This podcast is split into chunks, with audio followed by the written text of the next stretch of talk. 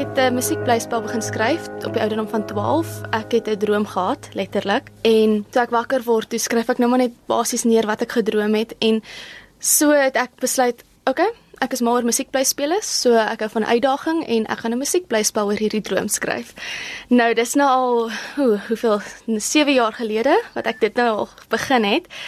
En uh, sedertdien het hierdie musiekblyspel nou net so ontwikkel en gegroei en gevorm in wat dit tans is.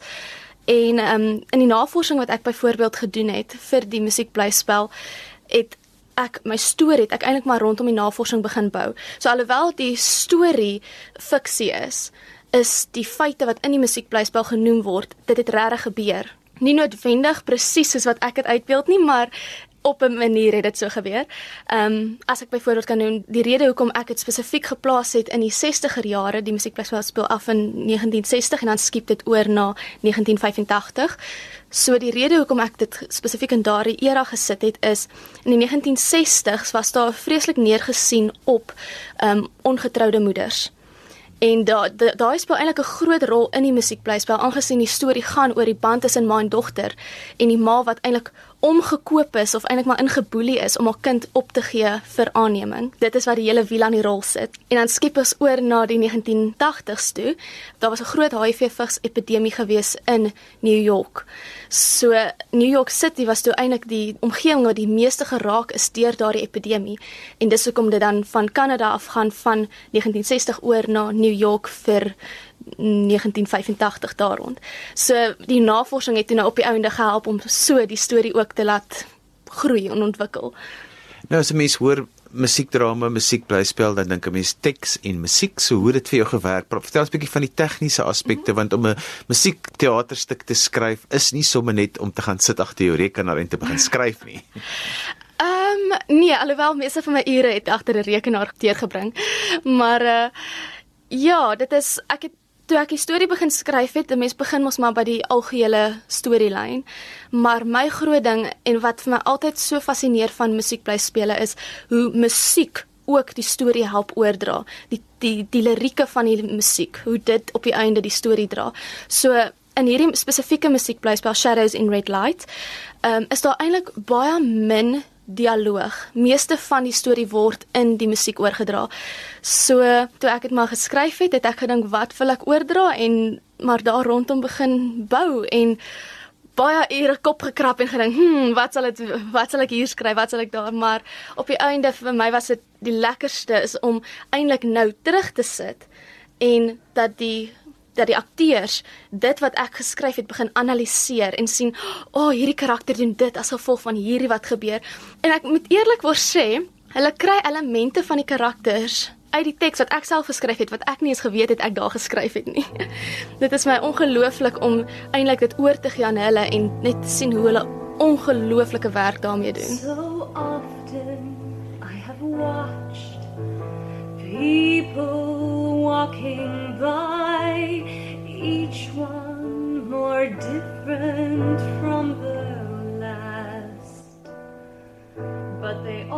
share the same problems, they are living in the past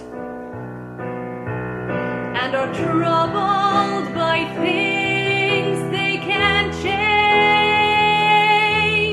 They all worry too much about things they've done wrong. it's in the past, honey, so just move along. Cause it's a Saturday night need to unwind. We can help you with troubles of every kind. So forget what's to happen or what has occurred. Just have another drink. Cause one more won't hurt. Die musiek, jy het al die musiek geskryf plus die woorde, alles, die hele ding alles van elke noot tot elke asem wat gehaal moet word. So die musiekplek wat ek het begin het toe ek 12 was. Ehm um, dit ek my doelwit gestel en gesê ek wil dit klaar op 15. Nou die rede daarvoor was ek weet Andrew Lloyd Webber was met sy eerste musiekblyspel betrokke op die ouderdom van 17. So ek het gedink, "Oké, okay, ek gaan vir 'n vriendelike kompetisie stel en myne klaar op 15." En ja, toe sê dit 15 is die musiekblyspel ehm um, afgerond en groot mense het nou al die teks onder die oog gehad. Ehm um, onder andere Larry Fuller, hy was nou onlangs in Suid-Afrika gewees. Hy het die skrip gelees en hy het net gesê hy's mal oor die storie. Hulle wil nou uit dit saamgevat New York toe om nou te kyk. Ehm um, hy wil dit daar vir mense gaan wys set vir Richard Winkler wat ook gesê hy hou van dit. So dit is regtig my so groot voorreg dat dit wat ek geskryf het dat mense dit sien en waardeer. Money makes people do crazy things. People like the comfort which money brings. So many things I would like to be. If it wasn't for the money. Money's what makes the world go round. To money both rich and poor are. So many things I would like to be.